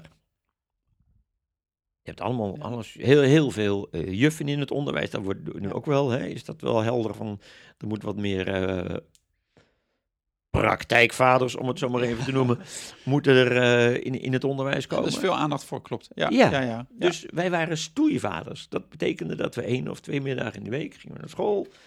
En dan maakte het niet uit of het eh, de hoogste klas of de kleuters, of weet ik wel. Duik er maar bovenop. Stoeien, doen, was het voetballen. Maakt niet uit. Gewoon even, hup, noem het maar de mannelijke energie. Even power erin. Ja, en dat ging dan door totdat het fout ging natuurlijk. Ja, dat iemand een keer een uh, tand door zijn lip had. Precies, Ja. zo iemand begint te janken. Nou, Ja. dat zou nu ondenkbaar zijn. A, omdat er dus inderdaad iets met zo'n kind kan gebeuren. En B, een vader die een stoeivader, dat is ongetwijfeld een incestueuze vies man. Terwijl het I- is zo'n geniaal idee. Het is, ja. Nou, dit is ook alles, alles in de, nou, alles is overdreven, maar veel in de relatie tussen volwassenen en kinderen, maar ook volwassenen onderling. Er wordt heel veel ehm, opgehangen aan seksualiteit. Daar word ik echt helemaal gek van. Er, er ontstaat een, een nieuwe preu- preutsheid. Dat, dat merk je in alles. We gaan echt weer een beetje naar de Victoriaanse tijd. Dat we aan de ene kant heel expliciet ehm, alles moet kunnen, alles mag. eh, maar aan de andere kant zijn we super, super truttig en tuttig. eh, een kind van tien kan al niet meer een kort truitje aan. Of eh, omdat ze negen of tien zijn in de blote kont over het strand lopen. Wat twintig jaar geleden geen enkel punt was. Want daar kunnen mensen misschien wat van vinden. Die angst, dan kom ik weer bij die voorstelling waar we het er straks over hadden. Die angst die je als volwassene gecreëerd hebt. Want ik denk dan ook van help, dat zijn wel die ouders. Dat zijn de kinderen die ik opgevoed heb. Hè? Mijn dochters doen het, hebben dat gelukkig niet. Ja. Maar dat zie ik wel. Ik denk dat komt van de generatie die, die mijn generatie opgevoed heeft. Help. ja, wat dat is er met ons- wat is er met- De dertigers, de veertigers. Ja, wat is er met ja. onze kinderen? Wat hebben Ja. wij, de generatie van de jaren 60, 70, 80, wat hebben wij gedaan dat onze kinderen ineens zo geworden zijn? Of zo nu als ouder zijn? Heb je daar een antwoord op? Dat is wel interessant natuurlijk. Ik weet het niet zo goed. Ik, ik weet, want dat is voor iedere generatie zo. Iedereen wil zijn kinderen beschermen. Dat is zo. Eh, iedereen wil dat zijn kinderen het beter hebben. Iedereen wil het anders doen dan zijn ouders. En doet het in heel veel opzichten precies hetzelfde. Dat moet ook, want we zijn ook maar een diersoort. Hè? Dingen zijn gewoon genetisch bepaald, zo werkt dat. Dat kunnen we anders willen, omdat we dan toevallig mens zijn. Maar die gaan gewoon zo, want dat hebben we als menselijke soort nodig. En als dat anders moet, dan gaat dat heel geleidelijk. Dat doen we duizend jaar over als het niet meer zijn. Doe er niet te moeilijk over.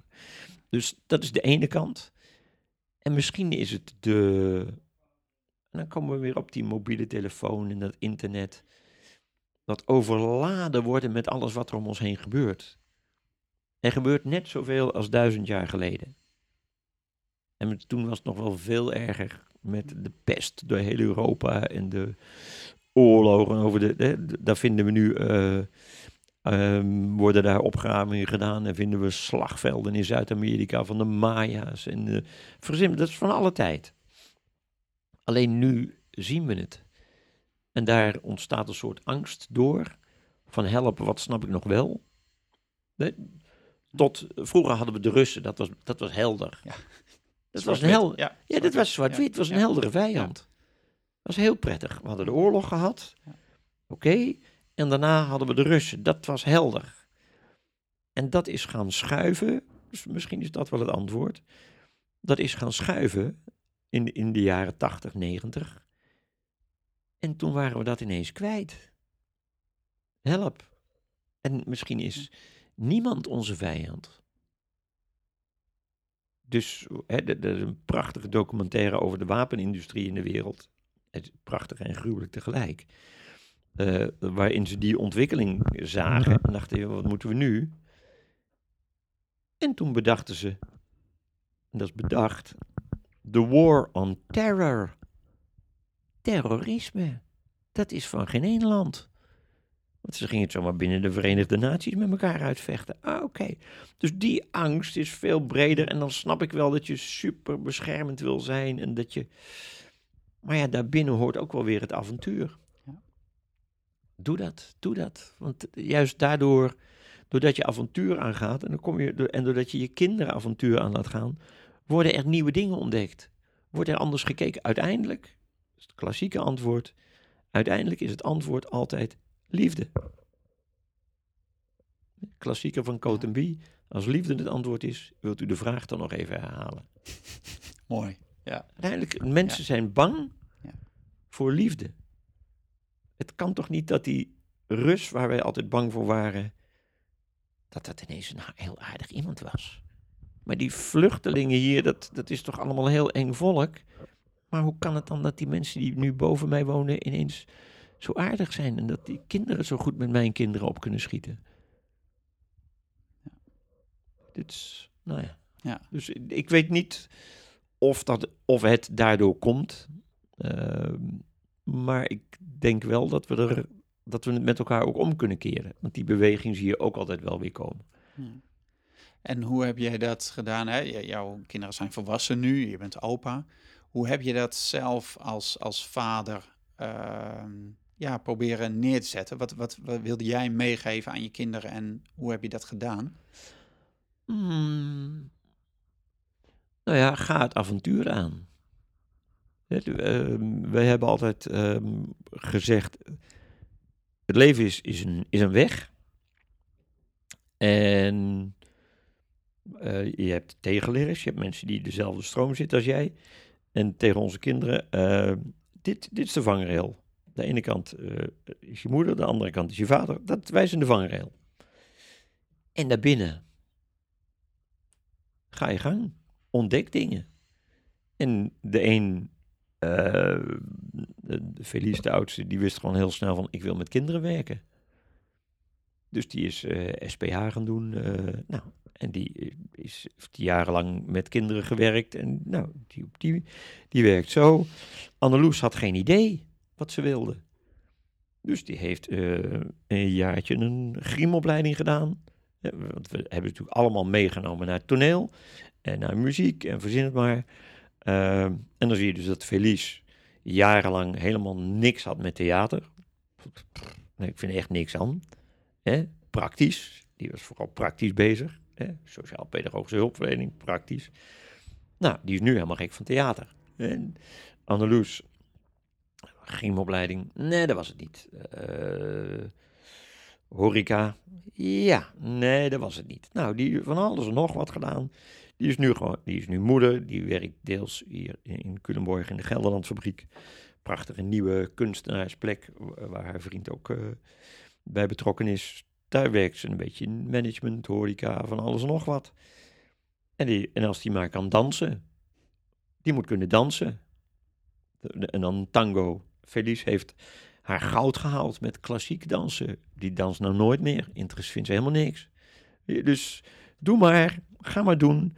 Uh, Bram, die dan de, de, de jongste is, die is gewoon zijn hele leven al gek van muziek. Nou, die, die heeft sound and vision gedaan, theater, licht, techniek. Nee, dat was het niet. Toen is hij bij de Herman Brood Academie terechtgekomen. Is hij slagwerker geworden. Nou, dat was het. Ja, een slagwerker. Heeft uh, in bandjes gespeeld. Heeft, uh, zonder dat we er altijd weet van hadden dat het zo heftig was, uh, alles gedaan wat God verboden heeft. Um, dat is ook niet altijd goed gegaan. Maar dat is weer een ander verhaal. Uh, maar ondanks dat hij dan dus wel eens een keer over de vangrail geslagen is, om het zo maar even te noemen, toch weer gewoon terug. Oké, okay. ja. nou dat is gebeurd. Mooi, flinke botsing. En nou gaan we weer verder. Weet je, dat is, geef je kinderen de vrijheid, geef de grenzen aan. Wat, wat, wat ik vroeger thuis al meekreeg, mijn moeder had zeven kinderen in er eentje op te voeden. En mijn vriendjes en vriendinnen ah, bij jullie thuis mocht altijd alles en zo. Helemaal niet. Wij hadden vrijheid, maar we wisten heel goed, dit zijn de kaders en daarbinnen kun je je gang gaan. En geef dat je kinderen mee. Je hoeft ze niet altijd aan de hand te houden. Nee, dit zijn de kaders. Ga op avontuur. En in het begin, natuurlijk moet je hey, tegen. Hè? Dat is waarvan je denkt van, nee, dit is er eentje, daar moet je niet mee in zee gaan. Dat gaat niet werken. Doen ze het dan toch? Oké, nou dan uh, keer je de auto even en dan rij je een tijdje mee met die tegenligger. Dat is best. Ja, gezellig. Nee, kom maar, kom maar hier joh. Dan zorg je dat ze hier een tijdje over de vloer zijn. En dan kan het zijn dat je zelf je beeld bij moet stellen. Of je had gelijk. Nou, en dan komt die correctie vanzelf wel. Ja, maar dat vraagt dus dat je als, als vader of als ouder... Uh, wil je die vangrails neer kunnen leggen of neer kunnen zetten, zoals jij zegt... moet je ook wel weten... Uh, moet je zelf ook wel weten wat je wil, zeg maar. Of wat je daarover nadenkt. Of... Ja, en dan kom je, denk ik, maar dat hangt allemaal weer van je opvoeding af. Mhm. Die is, die is uiteindelijk heel erg bepalend ook. Hè? Ouders kopiëren vaak hun ouders. Met de mededeling, ik zal het nooit zo doen als mijn ouders. Of je zegt van nee, ik zal het wel zo doen als mijn ouders. Zo zou het moeten zijn, hè? Ja. Uh, los van dat je allerlei elementen anders gaat doen. Maar, uh, en ik heb dan de mazzel gehad. Dat ik dacht van ja, ik, zo ga ik het doen. Je had een goed voorbeeld. Ik, ja, ook, nou ja, wij, wij voeden onszelf op met zeven kinderen. Dat is één. Uh, want mijn moeder werkte vijf dagen in de week. In het begin nog zes dagen, toen er nog op zaterdag gewerkt werd. Um, maar ondanks dat ze dat in haar uppie deed, zat het huis bij ons altijd vol met vrienden. Uh, stond er, hoe paste het in een woonkamer van drie bij vier? Ik snap het nog niet. Uh, een piano, want er werd muziek gemaakt. Gingen wij één keer in de maand naar de Schouwburg. Iedere keer iemand anders ging er mee. Dus, uh, mooi, dus om de beurt ging een van de kinderen mee. Ja, afhankelijk van wat er was. Ja, afhankelijk van wat er was. Dus uh, wij kregen een heleboel van dat soort dingen uh, mee. nooit een onvertogen woord over mijn vader. Nee, je hoort nu heel vaak dingen over vechtscheidingen. En dat je denkt van jongens, jongens, jongens. want jouw vader is weggegaan? Of? Mijn vader is vertrokken toen ik vijf was. En die is naar Canada vertrokken. En, nou, Die is daar zijn leven gaan leiden. Kan. Uh, snap ik wel. Hij was snabbelartiest zo. Uh, dus die zal gedacht hebben, help, zeven kinderen. Hoe ga ik dat uh, voor elkaar krijgen? En dat, ja, dat, nou, dat heb ik zelf ook wel ervaren. Dat heeft zo zijn nadelen, als je het zo wil noemen. Of dat heeft met keuzes te maken. Ik had ook als een gek alleen maar kunnen gaan vertellen en uh, totaal geen rekening houden met wie of wat dan ook ja, dan hadden we waarschijnlijk niet meer bij elkaar gezeten. En dan wat, heeft het, Erik, wat heeft het je gebracht dat, jij, uh, dat je een andere keuze hebt gemaakt dan je vader? In die zin, jij bent ook artiest. geworden. Of dat was je al, maar dat ben Ja. je gaan leven, zeg maar. Ja. Maar je hebt er ook voor gekozen om tegelijkertijd eh, eh, getrouwd eh, met, en, en, ehm, en een gezin te hebben. Ja, nou ja, de- de- eh, wat natuurlijk meespeelt is dat ik de eerste jaren eh, met de kinderen, bijna twintig, ehm, nog gewoon een baan had. Hè? En, en, het, en het vertellen en het theater maken daarnaast deed in de avonturen. Maar ook toen waren er wel eh, momenten, dat gebeurt ook wel eens, dat, eh, ik ben heel fanatiek, hè. Je gaat voor goud of je gaat niet. En ik eh, had toen in de amateurwereld ook allemaal regisseurs die dat deden. Ehm, en mijn, mijn vrouw eh, was toen eh kliniekloon. Dus dat scheelt ook. Hè. Dus had, kwam ook een beetje uit die hoek. Eh, dat scheelt. Ja. Je snapt elkaar. Ja, je snapt elkaar. Ehm, ja. Maar er zijn ook wel momenten geweest dat mijn koffer bij de deur stond, symbolisch. Van oké, kom maar terug als die productie afgelopen is. Hè, eh, Bram is eh, heel lang eh, ziek geweest. Nou, dat is allemaal weer een andere verhaal hoe je daar dan weer mee omgaat. En dan was het wel van ja, dan was ik overdag aan het werk, eh, keurig netjes, met mijn manager wezen enzovoort. En dan ging ik met mijn koffertje naar mijn werk en s'avonds ging ik meteen spelen. Ja, dat botst ook wel eens. Ja. Maar daar heb je het dan over met elkaar. En dan op een bepaald moment moet je dan een keuze maken. En dan ja, is, is, het, is het het me waard, dat artiestenleven, om daar mijn gezin voor te laten vallen? Nee. Nee, want uiteindelijk, weet je, uiteindelijk is dat hele theaterleven is eh, gebakken lucht. Zo simpel is het. Dat is, eh, weet je, vandaag prijzen je de hemel in en morgen ben je niemand. Eh, hè? Albert van Dalsem? Nooit van gehoord. Ellen, Ellen Vogel, mm, hè?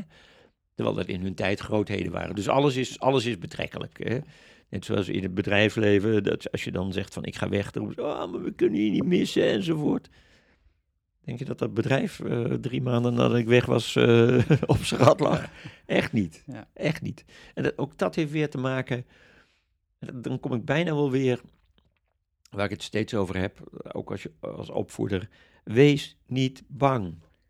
Denk je dat het kind niet meer van je houdt als het een keer op zijn snuit gegaan is omdat je het niet opgevangen hebt? Wel nee, als je het daarna maar een pleister hebt gegeven. En dat is, dat is het steeds. Ik ben steeds eh, in mijn vertellen ook. eh, mijn, oudste dochter was de eerste die zei van, jij moet je baan opzeggen. Eh, Die, die kon, en over keuzes die, die je maakt. Ehm, die kon allerlei baantjes krijgen na de studie. En zei ze, je moet de baan kiezen waarvan je hart een sprongetje maakt. En dan verdien je misschien niet meteen het meeste, maar dat moet je gaan doen. Oké. En ik zat inmiddels in, zo op zo'n rand van ga ik het wel, ga ik het niet. En ik kwam weer eens thuis met zo'n kop. En ze zei van, ga jij zitten? Mooi. Ga jij nou eens doen waar je hart een sprongetje van maakt? En twee dagen later heb ik mijn baan opgezegd. Weet je? Dus ja, dat, eh, Dat en als je dat dus voor elkaar hebt gekregen met je kinderen, dan is het goed. Het is net als, eh, dat, dat vind ik wel een voorbeeld ehm, voor mensen, kom je helaas veel tegen, eh, gescheiden. Ehm, daar kwam onze oudste dochter. En het is, nou ja, zoals gezegd, ik ben niet hun biologische vader, maar ze lopen al bijna hun hele leven met mij mee. Ehm, die kwam op een gegeven moment, middelbare school ergens, middelbaar beroepsonderwijs, kwam ze thuis. Ze zei, joh, ik zit nou in een klas. Bij die zijn ze uit elkaar. Daar liggen ze in scheiding. Die hebben slaande ruzie. Volgens mij ben ik de enige die uit een normaal gezin komt. Ja, toen keken mijn vrouw en ik elkaar aan van, dat hebben we goed gedaan. Ja, Weet je? precies. Dus nou, als je, als je op zo'n manier eh, met elkaar om kunt gaan, dan doe je dus goed. Dat zegt iets over eh, hoe je ook wanneer kinderen nieuw in je leven komen, wat dan in mijn geval zo was, hoe je daar als nieuwe partner eh, in op moet stellen. Je, bent je bent niet de vader, je bent niet de moeder. Nee. Dat, hebben we altijd gedaan. Als er iets is, je mag het mij altijd vragen. Ik zal er wat van vinden. Je gaat eerst naar je moeder. En die vindt er wat van. Oké, en dan kom je bij mij. Ja, Felice, die de eerste tijd uh, had ze niet eens van het bord dat ik opgeschept had. Nou, daar kan ik van alles van vinden. Nee, dus, nou ja, dan niet. Dan deed ik het terug in de pan. En dan schepte mijn vrouw op. En dan had ze het wel op. Ja. Ja, ik geef het kind ongelijk. De hele wereld is ondersteboven geslagen. Ja. Nou, Ja, maar dan moet je als ouder, moet je, of in jouw positie, moet je eigenlijk dat snappen. En jezelf even, hè, dus ik heb pas een interview gedaan met Gideon de Haan, die, die coacht stiefgezinnen. Ja. Nou, en die, die, het is, wat jij nu beschrijft, is eigenlijk wat hij ook zegt van, ja, je moet je plek weten. Even een stapje terug doen. En wie is de eerste? Nou, dat is die moeder. En, en dat kind inderdaad zijn, zijn proces gunnen of zijn Ja. tijd gunnen om te wennen aan de situatie. Ja, wat, het- wat het is, en, en dat komt dan, raakt dan ook weer het vertellen. eh, en waarom ik het vertellen zo leuk vind. Dat, ja, therapeutisch noem je dat dan je kindstuk. Ja, je Hè? kindstuk. Ja, ja. Vergeet niet om kind te zijn. Kijk altijd even naar het kind in jezelf. En dat betekent dus, en dat betekent dus, oh ja, als, als mij dat zou gebeuren, zelfs als volwassene, hè, als, je, als het, als het eh, wringt en kraakt, dan kan die ander, ja, eh, ja, dankjewel, ja, oké. Nee, ik schenk zelf al in. Dat, hè? Want stel je voor dat die ander het inschenkt en het is lekker. Dat, soort dingen. Dus ben altijd kind. Stap altijd terug naar het kind. Hoe zou hoe zou je als kind reageren? Dat heeft ook met, met volwassenen in conflict te maken. Van, wat raak, waar- waarom ben ik nou eigenlijk kwaad? En het zit dan vaak heel erg diep in kinderdingen. En dan, wat zou ik zeggen, je reageert kinderachtig. Nee, ki- kinderachtig reageren is vaak volwassen reageren. ja. Want als je kinderachtig reageert, dan is het vaak heel primair en meteen al oplossingsgericht. Want zo werkt dat bij kinderen. Dus eh, Mooi. Ja, die is mooi. Ja, Wees kind. Kinderachtig is eigenlijk volwassen. Ja, ja. Ja. ja, wees kind. Erik, jij, ehm, jij wil straks nog een kort verhaal vertellen. Eh, een kort verhaaltje. Eh, of een verhaaltje, een kort verhaal. Ehm, ik wil je een paar korte vragen, daar mag je gewoon een kort antwoord op Ja. geven. Gewoon even vanuit nieuwsgierigheid. En dan gaan we zo naar jouw verhaal luisteren en dan sluiten we af. Ehm, ehm, ja, is, is er gewoon, hè, jij bent zo bezig met boeken. Is er een boek wat jij, of een, ja, doe een boek, wat jij eh, zelf wel eens cadeau geeft aan anderen? Wat je echt zegt, nou, dat geef ik graag weg, of dat gun ik mensen dat ze dat lezen. eh, de brief voor de koning is er zo één, Ja. die nog steeds eh, gelezen wordt.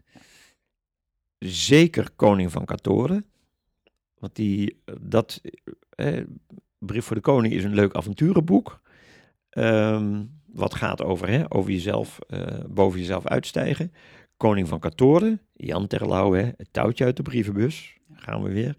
Ehm, Koning van Katoren is zo'n actueel boek.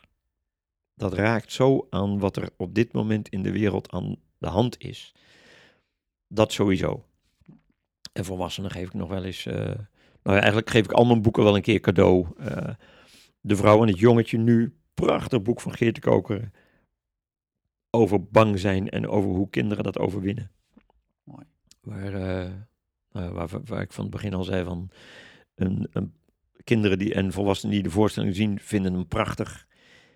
Maar er zijn ook plekken waar die niet geboekt wordt, omdat dat kind in het boek iets doet zonder dat zijn moeder erbij is. Weet je, nou ja, dan komen we weer terug bij de angst. eh.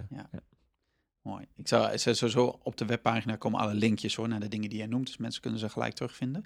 Ehm, is er een verhaal wat je ehm, eigenlijk wel zou willen vertellen, maar wat je nog niet hebt gedaan? Dat je zegt, ja, maar dat zou ik ooit nog een keer willen vertellen. Hmm.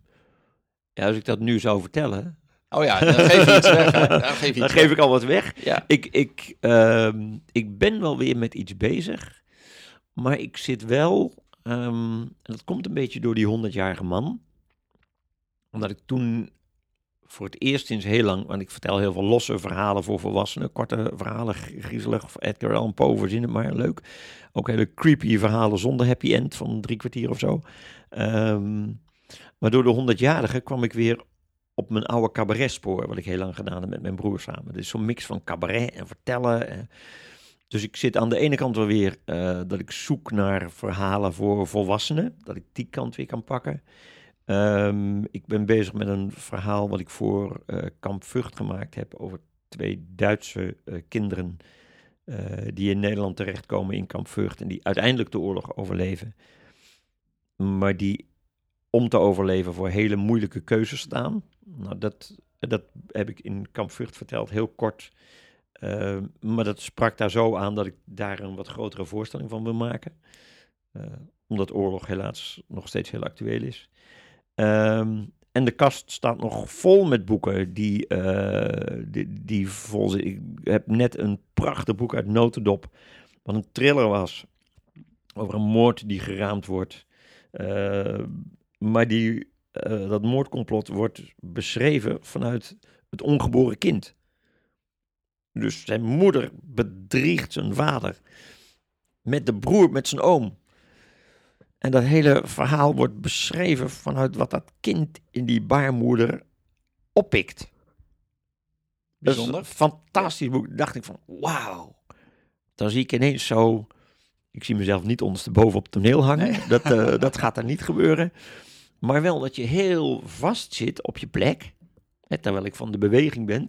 ben uh, en dan van daaruit vertellen zo. Of nou, uiteindelijk toen ik het boek uit, uit, had, dacht ik van nee, dat gaat echt niet lukken. Uh, ik dacht nog even met een, met een danseres die dan in, in stretch uh, stof, in een soort kooi of zo. Nee, ik kreeg allemaal wilde ja. beelden van. Dus er staat nog genoeg in de kast waarvan ik denk van, ah, er is één boek. Uh, dat ga ik nu herlezen en dat ligt wel heel hoog. een kinderboek in de in grote kans dat dat hem wordt. Ja. Maar daar zou ik nog niet te veel over, nee, uh, over zeggen. Nee, okay. nee, nee, En heel praktisch, van, um, heb jij een ritueel of een oefening of een gewoonte die jij gebruikt voordat je gaat vertellen, die je helpt om te focussen? Ja. Tot jezelf ik, te komen, um, hoe je dat noemt. Kijk, als ik, als je, je in zijn algemeenheid vertelt in een uh, wat grotere ruimte, een toneel, een gymzaal, maak altijd Um, maak de plek vertrouwd voor jezelf. Er zijn nog wel eens mensen die zeggen, ja, maar ze hebben, ze hebben de stoelen zo neergezet en dat vind ik eigenlijk niet prettig. Dan moet je ze veranderen. Uh, creëer rust voor jezelf. Simpel door een lap over een boekenkast te hangen als je in, als je in de bibliotheek steekt. Rust. En ik uh, pies even in alle hoeken, noem ik dat. Ga gewoon even daar rondlopen als er nog niemand is. Denk je, oh, dit van het verhaal zit hier, dat zit daar, dat zit zus, dat zit zo. En ik de, dus dat is één ding wat ik doe. En dat kan soms in een minuut, hè? In een minuut. En dan moet ik ook verder geen mensen om me heen hebben. Dat is nog wel eens, uh, dat is bijvoorbeeld dat Bram, mijn zoon, nu samen met mij op toneel staat. Hij maakt daar muziek. Um, dat gaat hartstikke mooi, want hij componeert alle muziekjes voor mijn, voor mijn voorstellingen die ik heb. En bij de vrouwen en jongetjes zijn we dan echt samen als we in theater spelen. Um, als hij zich op moet warmen, dan moet hij spelen. Dus dan is er muziek. En dan doet hij nog allerlei variaties op het liedje wat ik moet zingen. Terwijl ik net bezig ben om dat liedje juist goed in mijn kop te hebben. In de, variaat, in de variant zoals we die bedacht hebben dat ik hem ga zingen. Dus dat botst dan nog wel eens. Dat ik denk van, man, stop even met spelen, want ik ben met jouw liedje bezig. Ja, maar ik ben bezig met muziek. Dus, nou, dus ik zoek rust op en dat botst dan nog wel eens. Zoals het hoort te botsen tussen vader en zoon. En twee seconden later gaan we gewoon weer samen verder hoor. Daar niet van. Dat gebeurt hier in huis ook vaak genoeg. Um, en verder is het even ademen. Ik uh, schud mijn armen en mijn benen even los. Ik dribbel even op de plaats. Gewoon even, even mijn voeten zo. En dan, uh, en dan is het zover. Diep, diep uitademen even zo. Yes. En dan als, als, een, als een, nou ja, ik heb de pest aan honden. Dus dat zal ik niet als voorbeeld gebruiken. Maar als een aangelijnd paard wat los wordt gelaten en dan, yes, je mag. Het is niet, zo'n podium is helemaal niet spannend. Je mag spelen.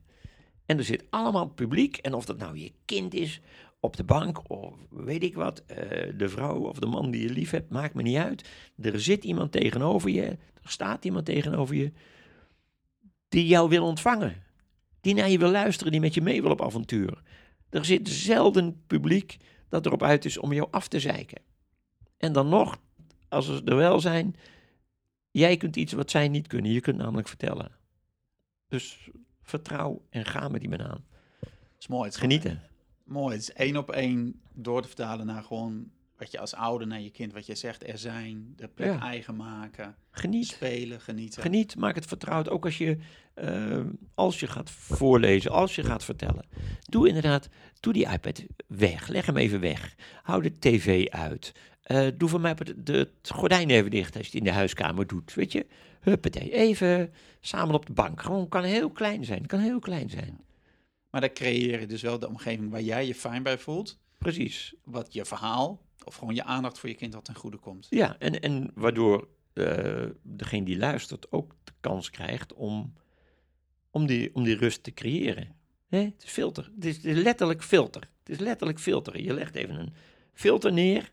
Dat gaat in de bak. Je begint bovenaan. En dan heel langzaam druppel je. En uiteindelijk gaat het vertellen. Dat gaat door het gaatje heen. En dan krijg je dus goede koffie. Maar je moet eerst even die prut er bovenin. Oké, is allemaal die prut. En, dat, en wat heb je vandaag gedaan? Oké, dan moet je weer nog even rennen, weer nog even vliegen. Oké, ik ga met je mee rennen. Oké. Oké, dat wil ik in de voorstelling ook. Dan kunnen ze ontzettend schreeuwen. En, en de, de, de volgende scène heb ik ineens olie in de deur gedaan. Die piept niet meer, dus er hoeft niet meer geschreeuwd te worden. Nu maakt de deur geen lawaai. Oké, dus nu doen we het schreeuwen ook precies andersom. Gaan we heel zachtjes. En hebben die kinderen, dus in plaats van dat ze heel hard stop lopen te, schroepen, te, ro- te roepen, gaan ze ineens stop. Ik kan van stop, stop. En zo heel zachtjes ga ik dus van al die drukte waarvan je leerkrachten zien van help, dit komt nooit meer goed. En doodstil en alle rust is er weer. En je kunt weer beginnen. En zo kun je dat met alle momenten doen. Is er veel rotzooi? Nou, ga er even als een wervelwind doorheen. En dan langzaam, langzaam, langzaam het kringetje kleiner maken. Kom je weer terug bij die grote bewegingen die je maakt als je leert schrijven. Vanuit grote bewegingen, maak het kleiner, maak het kleiner. Zo kun je ook als je een verhaal vertelt voor het slapen gaan. Kun je heel groot en heel druk. Als je je heel druk maakt, dan krijg je dit kind echt niet in slaap hoor. Want die gaat mee in de drukte. Maar je kunt vanuit die drukte, maak je het kleiner en stiller en stiller. En je bewegingen worden kleiner. En dan creëer je de rust vanzelf. Mooi. Wil je een verhaal vertellen, Erik? Ja, dat hadden we bedacht, hè? Ja. Maar ja, wat voor verhaal, wat voor verhaal. Ik zou bijna nu wel een vader en zoon verhaal. Maar dat, ehm, even denken, want het moet ook nog een beetje kort zijn. Mm, ach ja, wel een leuk verhaal. Een heel, klein, heel klein verhaaltje over de, over de liefde. Het is eigenlijk een heel, heel veel langer verhaal eh, wat zich afspeelt in, eh, in Midden-Amerika bij de, de native people die daar eh, niet rondtrekken met hun typisch, maar die, die wonen in bolle hutjes. Het zijn landbouwers, ze verbouwen mais. En in een van die dorpjes is een jongetje smoor verliefd op een meisje aan de andere kant van het dorp. En als kind wil hij altijd met haar spelen, maar hij duwt hem iedere keer weg, want ze vindt hem helemaal niks. En dan rent hij terug naar zijn kleine hutje en dan valt hij daar op zijn matje op de grond met aangestampte aarde in slaap en hij huilt en hij huilt. En natuurlijk wordt hij wat ouder en dan wil hij haar helpen met mais dragen, maar ze wil niks van hem weten. En dan rent hij weer terug naar zijn hut en hij huilt en hij huilt. En hij wordt natuurlijk puber en hij wordt smoorverliefd en hij huilt en hij huilt, want ze wil niks van hem weten. Hij huilt zo verschrikkelijk en dan gaat hij Zoals alle jonge mannen in het dorp naar de medicijnman. En de medicijnman die eh, doet wat, eh, die gooit wat in het vuur en die eh, danst er wat omheen. En die zingt van die muziek die iedereen thuis wel op een cd heeft. En die, wee, wee, wee, wee, en die geeft hem een drankje en dan moet hij opdrinken. En dan natuurlijk wordt dat meisje helemaal niet verliefd. En die medicijnman weet wat beter. Ze zegt, oh, je, je, je, je, cd nummer twee. En die huppatee, je moet een adelaarsveer brengen. En die jongen gaat naar een adelaarsnest. En die ziet wel die veer en die pakt die veer, maar die kijkt niet naar die adelaar. En die dondert dus naar beneden omdat die adelaar hem aanvalt. Veerstuk, voet ook nog gebroken. Dus vanaf die dag heet hij Huppelvoet. Dus wees gewaarschuwd, je kunt wel denken, ik ga die top halen. Maar als het niet bij je hoort, kijk uit voor de gevaren onderweg. Maar dat is een ander verhaal voor een andere tijd. Huppelvoet heet hij. Hij kan niet eens met de krijgers. Hij moet daar blijven. En hij huilt en hij huilt en hij huilt. Hij huilt zo verschrikkelijk dat zijn tranen doorcijpelen in de gangen van de mol. En de mol, dat is even belangrijk om te weten, heeft in deze tijd van het verhaal nog uitstekende ogen. Maar wel de pest aan water. Dus Mol kruipt omhoog en komt precies naast de slaapmat van het jongetje boven de grond. En wat is er aan de hand? Ach, Mol, ik ben smoorverliefd op het meisje. En nou, Mol die geen zin meer heeft uh, in, uh, in water in zijn gangen, maar die begrijpt dat een mens verliefd kan worden, die besluit dat te helpen. En waar woont? Jongetje wijst de hut aan. Rustig blijven wachten. Mol kruipt naar beneden, maakt een lange gang door de grond en komt precies naast het slaapmatje van het meisje boven. En ze is prachtig. Ze heeft een prachtige boezem, lange zwarte haren, haar buik strak als een trommelvalletje. En oh, ze heeft zelfs een molshoopje. Nou ja, Mol begrijpt heel goed dat je daar verliefd op kunt worden, al valt hij zelf meer op mollige types. En dan kruipt hij op haar borstkas en met zijn scherpe klauwen graaft hij haar hart tevoorschijn. En met dat kloppend hart gaat hij terug naar de hut van de jongen, die in het donker natuurlijk niet ziet wat Mol hem voorhoudt. En Mol zegt hem, In één keer doorslikken. de jongen slikt het door en om, om, om, om, om, om. Ineens een heel apart gevoel van binnen. Rustig wachten, ze komt vanzelf naar je toe. De volgende ochtend wordt het meisje wakker met een vreemd leeg gevoel. Er klopt iets niet, maar ze weet niet wat. Maar het vreemde was dat haar eerste gedachte is: hoe zou het met Huppelvoet zijn? Waarom denk ik daar nou aan? Ze wast zich, maar terwijl ze haar handen over haar gezicht haalt, denkt ze: hoe zou het zijn als de handen van Huppelvoet. Waarom denk ik daar nou aan? Ze stapt haar hut uit en de eerste blik gaat, u raadt het al, in de richting van de hut van Huppelvoet. Waarom doe ik dat nou? Ze gaat rustig aan het werk in het maïsveld, maar haar hele aandacht wordt getrokken door de hut van Huppelvoet, die nog steeds niet buiten is. En als de zon op zijn hoogste punt is, houdt ze het niet meer uit. Ze rent naar zijn hut, gooit het doek open. Ik kan er niks aan doen. Ik hou van je. Jij hebt mijn hart gestolen. Binnen de kortste keren zijn de twee getrouwd. En natuurlijk willen vrienden, want hij had er nog een paar weten van, hoe is dit dat gelukt? Ah, als je het niet verder vertelt, dan... eh, Nee, natuurlijk niet, daar zijn we toch vrienden voor? Heren, u bent gewaarschuwd. Eh, de mol heeft me geholpen. Binnen de kortste keren weet het hele dorp het. De mol. En alle jonge mannen, jonge meisjes gaan zodra ze liefdesproblemen hebben niet meer naar de medicijnman, maar naar de mol. Tot woede van de medicijnman, die nog maar één wens heeft, mol de nek omdraaien. Daar zit Mol natuurlijk niet op te wachten en hij besluit zich gedijst te houden totdat de woede van de medicijnman bekoeld is. Maar, beste luisteraars, de woede van de medicijnman bekoelt niet. Kom er niemand met geld aan zijn geld en je weet hoe het gaat. All lies, fake news. Mol blijft onder de grond. Maar hoe langer je onder de grond blijft, hoe minder licht er in je ogen komt. En als er steeds minder licht in je ogen komt, dan word je uiteindelijk. Nou ja, zo komen wij dus aan het gezegde: liefde maakt blind. Dankjewel, Erik. Prachtig verhaal. Mooi, mooi, mooi. Maar ik kan niet klappen. Ik heb een microfoon in mijn handen. Maar fantastisch. Dankjewel. Graag gedaan. Dan gaan we het, ehm, dit interview afronden ehm, met de, de belangrijkste vraag. Nou ja, niet belangrijk, maar belangrijke vraag. Als, ehm, als mensen meer over jou willen weten, waar, eh, hè, als ze meer van jou willen horen, als ze denken, nou, ik wil een verhaal van die Erik horen, ik wil ook boeken voor mijn bedrijf of mijn school, waar kunnen ze dan terecht? Het handigste is eh verhalenverteller.nl. Dat is mijn website. En eh, het prettige van die website is, als je verhalenverteller googelt, omdat je niet meer precies weet wat het was, kom je daar ook op terecht. En dan eh, kunnen ze mailen, kunnen ze bellen. En het maakt niet uit voor wie het is. Ik heb eh, verhalen voor iedereen. Hartstikke mooi. Erik, hartstikke bedankt voor het interview. Ik vond het ontzettend leuk. En, ehm, en als jij luistert, ehm, dan hoop ik dat je, dat je ook aan de slag gaat met verhalen. En, dan, ehm, en zoals je weet, je kunt, je kunt het, de podcast beluisteren op de website. Je kunt hem ook via iTunes of als je een andere telefoon hebt, een Android-telefoon, via Stitcher beluisteren. Kun je op abonneren, helemaal gratis.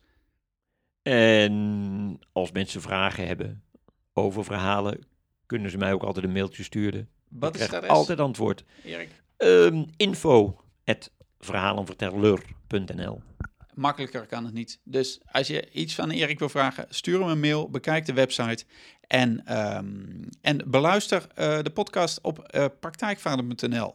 Podcast vind je dit interview terug, maar ook alle andere interviews met een keur aan gasten. En eh, ik wens jou een hele goede dag en we zien elkaar of we horen elkaar bij de volgende podcast. Oké, heb het goed.